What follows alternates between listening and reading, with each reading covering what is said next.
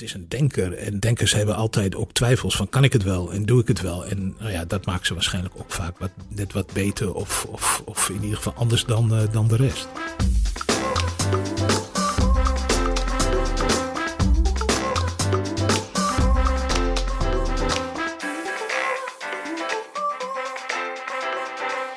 Ja, welkom bij alweer een tweede aflevering van Scorebord Journalistiek. Een podcast van Voetbal International waarin we op zoek gaan naar het verhaal achter het verhaal. Uh, tegenover mij deze week Peter Wekking, hoofdredacteur van Voetbal International en sinds jaren dag uh, FC Twente washer. Peter, welkom. Ja, deze week zoomen we eigenlijk in op het uh, verhaal wat jij geschreven hebt over Gonzalo Garcia, de trainer van FC Twente. Een nogal lijvige tekst. Um, om even te beginnen, was je eigenlijk verrast deze zomer toen Twente voor uh, Garcia koos? Ja, ik kan wel heel bij de hand doen en zeggen dat ik niet verrast was. Maar, maar ik was net als iedereen uh, verrast dat FC Twente uh, zijn, lot in handen legde van een, een, een, beginnende trainer. Die eigenlijk nog geen enkel track record had opgebouwd als, als hoofdtrainer. Dus ja, dat kwam, kwam redelijk als een verrassing. Ja, en dan, dan duik je daarin en dan, jij kent het van Leeuw ook best wel goed, de technisch directeur daar. En dan kun je de lijntjes aan elkaar knopen, zeg maar. Nou ja, goed, je hoeft er niet eens in te duiken, want het was een beslissing van Ted. Dus het was, uh, Ted Verleeuw was er alles aangelegen om die beslissing goed, uh, goed over het voetlicht uh, te brengen en uit te leggen. En dat heeft hij, hij toen gedaan.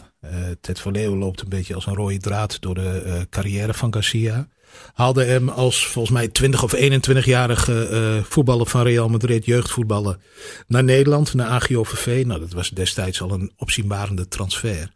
Ja, en heeft zich sindsdien uh, over Garcia ontfermd. Uh, zijn vaak in de auto onderweg geweest naar wedstrijden, ook naar scoutingtripjes. Ja, daar is bij, bij wel een idee ontstaan van... hé, hey, dat zou wel eens een goede, goede trainer kunnen zijn. Uh, toen kon Zalo Casilla uiteindelijk moest stoppen met voetballen en zijn trainersdiploma in Spanje had gehaald twee jaar geleden. Toen heeft hij hem naar Esbjerg gehaald in, uh, in Denemarken. Uh, daar heeft hij een jaar lang gefunctioneerd als assistent van Sean Lammers. Nou, en daarna, toen Ted Verleeuwen terugkeerde bij FC Twente, heeft hij, en dat is het meest belangrijke eigenlijk wat hij toen gedaan heeft, is Casilla mee, meenemen naar Nederland, toegevoegd aan de technische staf van de FC Twente. Daar vorig jaar in de luwte onder Marino Pusic zeg maar, het vak verder kunnen leren. Nou, en toen Pusic weg moest uh, afgelopen zomer. ja, toen was niet zozeer het moment daar. Maar wel de omstandigheid om, uh, om toe te slaan. Toe te slaan, maar om Garcia uh, in het ambt van hoofdtrainer te hijsen. En dat hebben ze toen gedaan.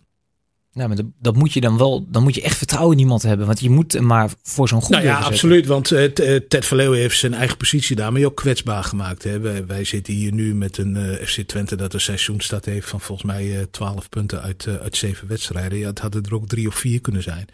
En dan was de teneur van het verhaal dat ik met Garcia heb gehouden heel anders. En was dit verhaal wat ik nu vertel ook heel anders. Dus ja, Ted Verleeuwen moet veel vertrouwen in Garcia hebben gehad. Want anders had hij niet zo'n opzienbarende stap genomen. Hoe zijn je eerste ervaringen met de Garcia? Ook een beetje als mens? Nou ja, goed, kijk, je, je begint. Eh, mijn idee was eigenlijk afgelopen zomer toen hij trainer werd: van oké, okay, laat het eerst maar eens even zien. Hè, voordat we uh, al, te, al te zeer uh, naar zijn geloofsbrieven gaan vragen. En, en hem vervolgens ook afrekenen op, op één of twee wedstrijden. Gewoon la, laat het maar eens een aantal wedstrijden zien. Kijken we hoe die ploeg speelt. Uh, en vanuit die insteek ben ik toen uh, een keer naar het trainingskamp gegaan in, uh, in de Lutte. Twente zat toen in, in de Wilmersberg. Nou, toen heb ik een half uurtje koffie met, met Garcia zitten drinken. Maar dat was meer over de voetballer Garcia zoals ik hem toen nog kende. En de, van de trainer wist ik niet veel, want hij, hij was immers net, immers net begonnen. Nou, daarna neem je dat mee naar, naar de eerste wedstrijden. Daar kijk je hoe zo'n hoe zo'n ploeg speelt. Uh, je gaat af en toe naar een, uh, naar een perspraatje op vrijdag of op donderdag, waarin een trainer een beetje wat vertelt over de wedstrijd die er aankomt. Dat zijn vaak hele onschuldige perspraatjes die niet veel verder gaan dan de ingegroeide teennagel van de linksback. Maar heel af en toe kun je daar ook een vraag stellen over, over het voetballen, wat hij die week op de training heeft gedaan. En zo gaandeweg ontstaat er een beeld van zo'n man en, en wat hij van plan is. Nou ja, en dan is, is na vijf of zes wedstrijden uh, vond ik het moment daar om eens rustig met hem te gaan zitten praten over hoe hij, uh, hoe hij nu het tegen voetbal aankijkt. Want dat is het, het belangrijkste. Hoe hij het trainingsvak beleeft en, en hoe hij FC Twente naar zijn hand probeert te zetten. Wat voor man trof je aan? ik neem aan dat je in de Golsvesten nog gezeten hebt. Wat, wat, wat, wat voor persoonlijkheid zit daar dan? Nou ja, een hele, hele bevlogen persoonlijkheid die, die heel duidelijk weet wat hij wil. En die dat ook redelijk duidelijk kan, kan overbrengen. Het enige probleem wat, wat er is, is dat hij in het, in het Engels spreekt. En, ehm, en ik doe dat ook. Dus, dus echt tot de kern soms heb je het gevoel dat je niet echt tot de kern komt. Wat dat betreft heeft hij er verstandig aan gedaan door vijf Spaanse spelers binnen te halen. Dus daar, daarmee kan hij in ieder geval wat makkelijker communiceren. Uh, maar goed, verder wat ik zeg, heel, heel, heel, heel bevlogen. Heel duidelijk in wat hij wel wil en ook wat hij niet wil. En uh, ja, verder gewoon een aardige man. Ja, ik ben naar de open dag van FC Twente geweest. En wat mij opviel is dat, dat de supporters, uh, vooral de mannelijke supporters, allemaal op Wou Brama afsprongen. Dat is daar nog steeds uh, de grote man. En dat heel veel vrouwen heel erg op Garcia afsprongen. Is dat nou iets wat, wat te maken heeft met zijn uitstraling, met zijn jongigheid? Ik las in jouw artikel ook iets over, de, over zijn kleding, waar hij ook zich mee onderscheidt. Nee, dat ligt vooral waarschijnlijk aan die hunkerende vrouwen. Want diezelfde vrouwen die sprongen vorig jaar op de open dag allemaal op Marino Pusic uh, af. Eh, dat wordt door eh, eh, het vrouwelijke deel van, van Twente ook als een, een knappe man beschouwd. En volgens mij geldt voor Gonzalo Garcia min of meer hetzelfde. Dus ik denk dat het daarom zit. Oké, ja. Dat, dat, maar dat weet ik niet zeker hoor, want ik heb die vrouwen daar nooit naar gevraagd. Maar dit is een analyse vanaf de zijlijn. Ja, nee, nee helder. Hey, je, je, hebt het over zijn geloofsbrieven. Ehm, wat, waar staat hij voor? Nou, hij staat voor aanvallend voetbal, voor, voor, voor balbezit voetbal. Het liefst zo lang mogelijk balbezit, zoveel mogelijk balbezit en zo diep mogelijk op, uh, op de helft van, uh, van de tegenstander. Maar dat begint bij hem heel sterk met goede defensieve kaders, met, met afspraken, met, uh, met een kloppende organisatie. En daar hamert hij vooral heel erg op. Dus waar hij van gruweld is met, met, met een heel elftal, maar een beetje ja, ik val aan, volgt mij voetbal uh, te spelen. Want dan zegt hij, dan kun je net zo goed een, muntje opgooien en kop of, wint, uh, wint de kop of munt wint de wedstrijd. Nou, hij denkt heel erg in, in structuren en dat, dat staat eigenlijk haaks op het beeld wat je van hem als, als voetballer had. Ja, dat, dat vond ik eigenlijk het meest opvallend ook in jouw verhaal. Want ik lees daar ook over een, een jongen die uh, nou, ik, ik heb het hier staan. Die, een jongetje van, van 11, 12 jaar die het had over gefascineerd luisteren naar een trainer die over 4-4-2 spreekt en taken. En herinner ik mij hem als voetballer als frivol, als, als technicus, als mooie voetballer. Ja, het was een, este, een uh, estate op noppen. Het, het, voetbal moest iets, iets, iets voetbal werd vooral gespeeld om de mensheid te behagen met ja, bijna kunst, zou ik zeggen. Ja, daar zoekt hij het wel in. Uh, zijn, zijn vriendin is, is architecte. Die, uh, uh, die schept ook dingen, die creëert ook dingen. Hij zelf was een creërende voetballer. samen, hij en zijn vriendin gingen vaak buiten het voetbal om. Als ze vrije tijd hadden, gingen ze naar musea of naar, of naar kunsttentoonstellingen. Ze zijn op zoek naar, hij, laat ik niet voor zijn vriendin spreken, maar hij was altijd wel op zoek naar de schoonheid der dingen. Het leven is veel te saai en alledaags, zegt hij. Je moet op zoek naar, uh, naar zaken waarmee je kunt onderscheiden. En zo voetbalde hij ook wel een beetje. Althans, dat beeld hadden wij ervan. Zelf vindt hij dat helemaal niet. Hij denkt daar zelf heel, uh, heel anders over. Nou ja, dat is wel fascinerend als je daar met, uh, met hem over spreekt. Nou, jij stelt om de vraag: zou jij als trainer de speler Garcia opstellen? Ja. En zijn antwoord is vrij helder. Ja, zijn antwoord is ja. En zijn antwoord is ook. En ik zou ook vechten voor de speler of voor de trainer Garcia. Dus, dus hij is wel overtuigd van zichzelf als voetballer. Maar hij is ook wel overtuigd van zichzelf als, uh, als trainer. In, in, in essentie. Waarbij hij best wel de onzekerheid heeft van hoe breng ik het ervan af in de praktijk. Want even afgelopen zomer heeft hij best wel, uh, best wel twijfels gehad. Maar um, ja, nee, dat, uh, dat, dat klopt inderdaad. En dat, dat, dat, is mooi dat je dat zegt. Want hij zegt letterlijk bij jou: eerlijk gezegd keek ik wel op tegen de eerste training. Ik was angstig. Nou ja, dat snap ik wel. Kijk, hij is, uh, hij is, hij is een aantal jaren assistent geweest. En dat bepaalt gewoon de hoofdtrainer. Bepaalt uiteindelijk wat er gebeurt. Hè. Dan heb je inspraak en soms kun je ook best wel je zin door, uh, doordrukken. Maar de hoofdtrainer bepaalt een beetje het, uh, het traject. En nu werd hij ineens verantwoordelijk gehouden. Nou ja, dan kan ik mij zo voorstellen dat je, dat je bij jezelf wel afvraagt van hoe, hoe, hoe begin ik? Waar begin ik? Welk voetbal wil ik spelen? Nou ja, dat heeft hij helder. Welke trainingen zijn daarvoor nodig om dat in te krijgen? En daar staat wel zijn, zijn onzekerheid van ben ik in staat om dat wat ik, uh, in mijn hoofd heb over voetbal zodanig naar trainingen te vertalen dat die spelers het ook nog uh, begrijpen. En kan ik dat niet alleen de ene dag, maar ook weer de volgende dag en die week daarna en die maand daarna en uiteindelijk een heel seizoen. Nou ja, en dat, dat kenmerkt wel de trainer uh, of, de, of, of de, de persoonlijkheid Garcia. Het is een denker en denkers hebben altijd ook twijfels van kan ik het wel en doe ik het wel. En nou ja, dat maakt ze waarschijnlijk ook vaak wat, net wat beter of, of, of in ieder geval anders dan, uh, dan de rest. Wil je meer verdieping bij het voetbal? Ga dan naar vi.nl/slash podcast en neem een abonnement. www.vi.nl/slash podcast.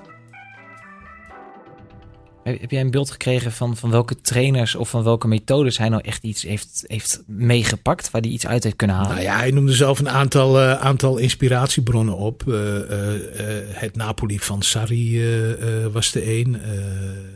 hij kijkt vrij veel voetbal, Spanje, Italië, Argentinië, ook Zuid-Amerika.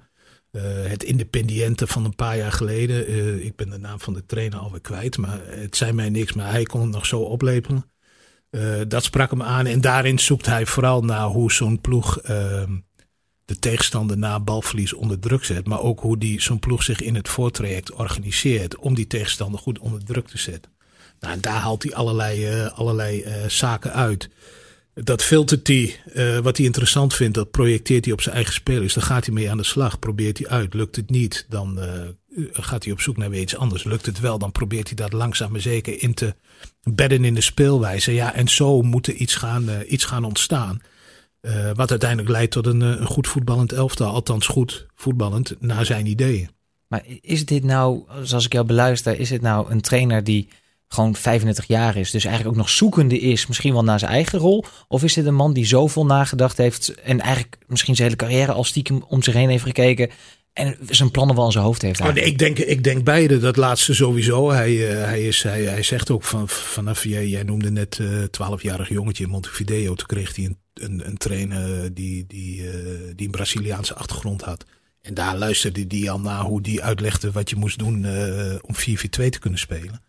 Hij, hij, sinds, sinds die tijd is hij al wel bezig om naar voetbal te kijken met de ogen van een trainer. Hè. Weliswaar op, op, op hele kleine schaal en uh, als 12-jarige kijk je daar natuurlijk heel anders naar dan als 20-jarige. En dat doe je ook als 35-jarige weer. Maar hij is wel altijd bezig geweest met wat kan ik uh, uit alles wat die trainers zeggen. Heel vaak was hij het ook niet mee eens. Maar wat kan ik daaruit uit filteren om dat voor mijzelf uh, te vertalen naar een, naar een aanpak. Ja, en wat jouw eerste, eerste aspect betreft, 35 jaar zoekende. Ik denk dat hij over vijf jaar nog zoekende is. En, en over tien jaar misschien nog wel. Maar dat geldt eigenlijk voor ons, voor ons allemaal, volgens mij. Dus die, die horizon die zal, die, uh, zal die niet snel bereiken. Nee, maar dan des te knapper dat je doet wat je doet en je er ook gaat staan. Nou ja, goed. Uh, ja, maar hij zei ook wel van ja, het is maar voetbal. Wat kan mij gebeuren? Dit is iets waar ik van hou. Dit is iets waar, wat ik graag wil doen. Nou ja, dan komt die kans. Uh, hij zei ook, wat had ik anders moeten doen? Wachten tot er een gunstige moment was bij een, bij een andere club. Nee, dit was de situatie. En, en in voetbal gaat het om, uh, om tijd, moment en, en omstandigheid. Ja, een aantal voorwaarden die, uh, die waren daar, zoals de omstandigheid dat een hoofdtrainer gezocht werd. Uh, en dat was tegelijkertijd ook het moment, ja, tijd, tijd, ja. Hij is 35, hij had ook kunnen wachten tot hij 40 was. Kijk, dat zei Ted Verleeuwen wel. Het liefst had ik nog gezien dat hij één jaar of twee jaar aan de hand van een, een dik advocaat of een Peter Bos of een Erik ten Hag mee had gelopen. In zo'n staf ook is bij zo'n trainer in, uh, in de keuken kijken. En dan was zijn opleiding, zoals Verleeuwen het noemt, uh, compleet geweest. Maar ja, goed, die situatie was er niet. En dan moet je, moet je handelen naar, uh, naar dat wat je aantreft. Is dat nu nog steeds dan een, een twee-eenheid? Zijn die veel met elkaar aan het sparren, Ted van Leeuwen en Garcia? Hoe kun je dat een beetje inschatten? Nou ja, goed, ik ben daar niet, uh, niet dagelijks bij, want uh, uh, daarvoor sta ik momenteel wat te ver van, van FC Twente af. Maar, maar ik kan mij niet voorstellen dat mensen die 15 jaar lang zo'n enige relatie hebben en die zichzelf min of meer aan elkaar hebben gecommitteerd dat die ineens minder over voetbal gaan praten. En Garcia die uh, beschouwt Ted van Leeuwen ook een beetje als zijn mentor. Uh, als degene die zeg maar, de ideeën die Garcia in zijn hoofd heeft over spelers, die vertaalt Ted van Leeuwen naar de, uh, de transfermarkt en de beperkingen die een club als FC Twente daarbij momenteel heeft. En die probeert dan daar spelers uit te halen waar, waar Garcia wat mee kan. Dus ja, dat lijkt eh, dat geeft automatisch al aan dat die twee nog steeds veel over voetbal spreken. En, en de invloed van Ted Verleeuwen gaat ook wat verder, denk ik, dan alleen maar die spelersmarkt, die zal ook best wel zijn ideeën hebben over hoe FC Twente moet voetballen. En zal daar met Garcia over spreken. En volgens mij is daar ook niks mis mee. Nee, hartstikke goed zelfs. Maar het, het is, ze committeren zich deels aan elkaar, zeg jij. Dus Ted heeft een risico genomen in dit geval om voor Garcia te kiezen. Het succes komt ze ook allebei toe als het goed gaat. Ja, nee, klopt. Klopt. Maar goed, dit is instant succes. Hè. Wat, wat, wat, uh, wat hebben ze dan nog gepresteerd?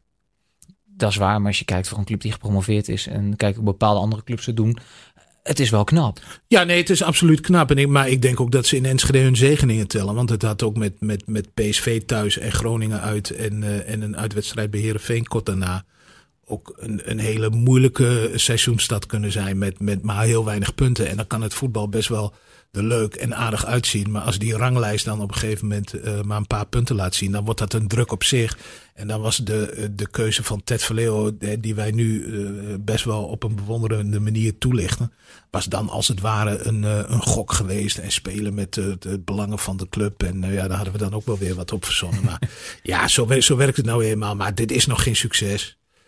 Laten ze eerst dit seizoen maar eens in ieder geval het voetbal laten zien wat FC Twente nu speelt. Want het is wel weer leuk om, uh, om een wedstrijd van FC Twente te zien. Dat was het vorig jaar uitzonderingen dagen later niet echt. Dus er gebeurt wel weer wat op het veld en in zo'n stadion. En nou ja, als dat ook nog met, met punten gepaard gaat zoals, zoals dat de laatste week gaat, dan is het inderdaad een goede prestatie. Maar halfjaartje later, laten we nog maar eens kijken. Dan blikken we terug toch even dat zijstapje naar Van Leeuwen. Want het is wel bewonderenswaardig natuurlijk met de, met de beperkte middelen, met de kleine portemonnee, wat daar gebeurt natuurlijk. Nou ja, goed, Ted heeft, heeft wel een geschiedenis dat hij uh, dat soort spelers eruit kan halen. Klaas-Jan Huntelaar vroeger, Nasser Chatli, uh, Dries Mertens. later haalde die Oenal naar Twente, die, die, in, die in één jaar tijd van 0 naar 14 miljoen ging. Want voor dat bedrag werd hij na dat ene seizoen bij FC Twente verkocht aan, uh, aan Villarreal. Maar goed, dit heeft ook wel missers op zijn naam staan. ik kan me nog eens Olai Tan, een spits uit Nigeria, die uh, hartproblemen had. En die heeft één keer in zijn leven, althans zo heb ik het gezien, voor een Griekse club heel goed gespeeld tegen Manchester United. Maar dat was volgens hij heeft twee goede wedstrijden gespeeld. Die wedstrijd voor het eerst en voor het laatst. En dan, het was bij FC Twente helemaal niks. En hij, Ted zegt zelf ook, als je vijf spelers haalt en drie ervan zijn een schot in de roos of voldoen, dan heb je het gewoon heel goed gedaan. En als dat uh, inderdaad de benchmark is, ja, dan doet hij het gewoon uh, uitstekend. Zeker dit seizoen bij FC Twente. Want ik moet wel zeggen, de spelers die gehaald zijn, ja, het ziet er wel uit als een echte voetballer. Uh, Busquets, uh, Abriani, Segnini kennen we al van vorig seizoen. Die jongen uit Japan, Nak Nak Nakamura. Cantala Piedra vorig jaar. Ja, het zijn wel jongens die. die ze zijn allemaal om, om een of andere reden ergens bij hun vorige club niet uit de verf gekomen. Kan ook, kan ook te maken hebben met dat het niveau dat uh, voor hun gevraagd werd op dat moment te veel was. Maar ze kunnen in, in de basis allemaal wel aardig, uh, aardig voetballen. En dat is wel, wel leuk als je naar het stadion gaat. Want je gaat voor een voetbalwedstrijd. En je wil in eerste instantie voetbal zien. En dat kunnen die spelers wel. Ja, dat is een enorme plus. Want in eerste instantie kan ik me voorstellen dat ze bij Twente vooral bezig zijn met handhaving. Ik denk dat dat het belangrijkste doel is dit seizoen. Ja, maar goed, dan kom je. Dan kom je uh, uh, er zijn vele wegen die, die naar Rome leiden. En dan maar met goed voetbal is, is de weg die Van Leeuwen nu gekozen heeft. En ik denk dat dat uiteindelijk de, de juiste weg is. Ja, om terug te komen op de trainer, die we dan over een half jaar nog eens een keer uh, moeten, nogmaals moeten belichten. Uh, je had het ook over zijn toekomst, want dat is natuurlijk altijd interessant. Waar wil je naartoe? Wat, wat, wat zijn je doelen, zijn motivatie? En dan schrijf je op uit zijn mond. Als speler vond ik ambitie al een shitwoord. Het suggereert namelijk dat je desnoods over lijken gaat om iets te bereiken. Ambitie is ook dat je jezelf een illusie verkoopt.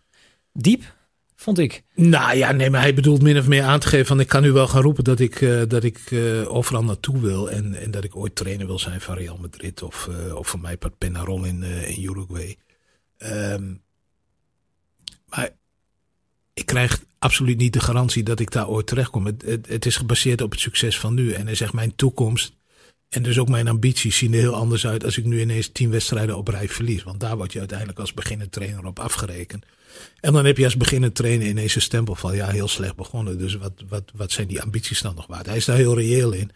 En kijkt eigenlijk op dit moment van, uh, van jaar tot jaar. En volgens mij is hij als speler ook wel zo geweest. Hoor. Hij was Hij gold als een groot talent in de jeugd van Real Madrid. Is, is een aantal keren uitgeleend aan, aan kleinere clubs. Uiteindelijk blessures gehad. Groeide, groeide slecht geloof ik. Waardoor hij eigenlijk twee jaar lang stil heeft gestaan. En is toen zijn hel gaan zoeken bij AGOVV in, in Nederland. Nou ja, Nederland, Heracles gespeeld. Groningen, Herenveen. Uh, uiteindelijk ook gewoon in Israël terechtgekomen en op Cyprus en, uh, en uiteindelijk in Denemarken als assistent trainen. En hij zegt van ja, uiteindelijk gaat het maar om één ding en dat is dat ik de ideeën die ik over voetbal heb in de, ergens in de praktijk kan brengen. En waar dat dan ook is, dat maakt hem niet eens zo heel veel uit. Dus hij, uh, hij levert dat betreft ook wel, ook wel bij het moment en, en wat het moment hem brengt. En, en hij zegt van ja, ik heb op dit moment een, een contract voor één seizoen bij FC Twente. Voldoe ik, dan gaan we praten over verlenging. Voldoe ik niet, dan is het thank you very much. En dan moet ik verder kijken. En ja, ik vind het voor iemand van 35 die net, die net begint. Vind ik ook wel verfrissend. Hè? Je houdt jezelf ook niet voor de gek. Je weet gewoon van ik moet nu presteren. En uh, daarmee investeer ik in een betere toekomst. Ja, presteer ik niet, dan wordt die toekomst waarschijnlijk ook minder goed. Dus uh, nee, ik vind dat eigenlijk wel, wel gezond. Een realistische trainer, een denker. Ja, maar goed, kijk, ik denk dat hij ook genoeg voorbeelden om zich heen heeft gezien en al genoeg heeft meegemaakt van, je kunt iemand wel kroonprins noemen, maar daar loopt het ook vaak niet zo heel goed mee af. Dus ja, je kunt jezelf op voorhand wel in het zadel gaan zetten en zeggen van ik wil dit en ik wil dat, maar de praktijk leert ook, want zo zijn wij ook weer, dat dat vaak als een boemerang terugkomt. Want dan zeggen wij over een half jaar, maar ja, maar toen zei je, je wilde dit en dat. Ja, dus hij zal ook wel door schade en schande wijs zijn geworden, denk ik. Met dank aan ons misschien wel. Waarschijnlijk. Het journaille. Maar nee, laat, uh, laat hem maar, uh, maar schuiven. Precies.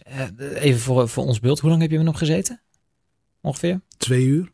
Ja, het, het uiteindelijk, uiteindelijke interview heeft twee uur geduurd. En dan daarvoor en daarna, dan is het nog even, even napraten? Of, nou, dat napraten, dat, dat was nog één kop koffie, geloof ik. Uh, maar wat ik zeg, ik heb natuurlijk ook al gesproken in, uh, in, in, in juli in, uh, in het trainingskamp in, in de Wilmersberg. En af en toe tijdens die, die perspraatjes, maar dan is het wat formeel. Ja, precies. En heb je nog dingen waarvan je zegt dat had ik eigenlijk wel willen opschrijven, maar daar heb ik nou, gewoon geen ruimte nee, voor Het is gewoon een, een interessante persoonlijkheid. We hebben het ook, wat hij ook veel, op een gegeven moment vroeg ik hem van, wat, heb je überhaupt nog wel vrije tijd? En dat, dat heeft hij dan niet en dat vindt hij jammer, want hij houdt ook wel van het lezen van boeken. Uh, en toen vertelde hij, zijn favoriete schrijver was Edu, Eduardo Galeano. Nou, het zijn mij niet zoveel, maar dat is een, een, een, een, hij heeft ook een voetbalboek geschreven. Maar er is meer iemand die, die schrijft over de complexe situatie in, uh, in Zuid-Amerika. Als 21-jarige, vertelde Garcia, was hij daarmee begonnen met het lezen van, uh, van, dat, van dat zijn, zijn meesterwerk. Uh, maar hij vond het te, te ingewikkeld, heeft het weggelegd en is het jaren later weer gaan lezen om zeg maar die, die, wat ik net zei, die complexe culturele verschillen op, op het Zuid-Amerikaanse continent beter te begrijpen.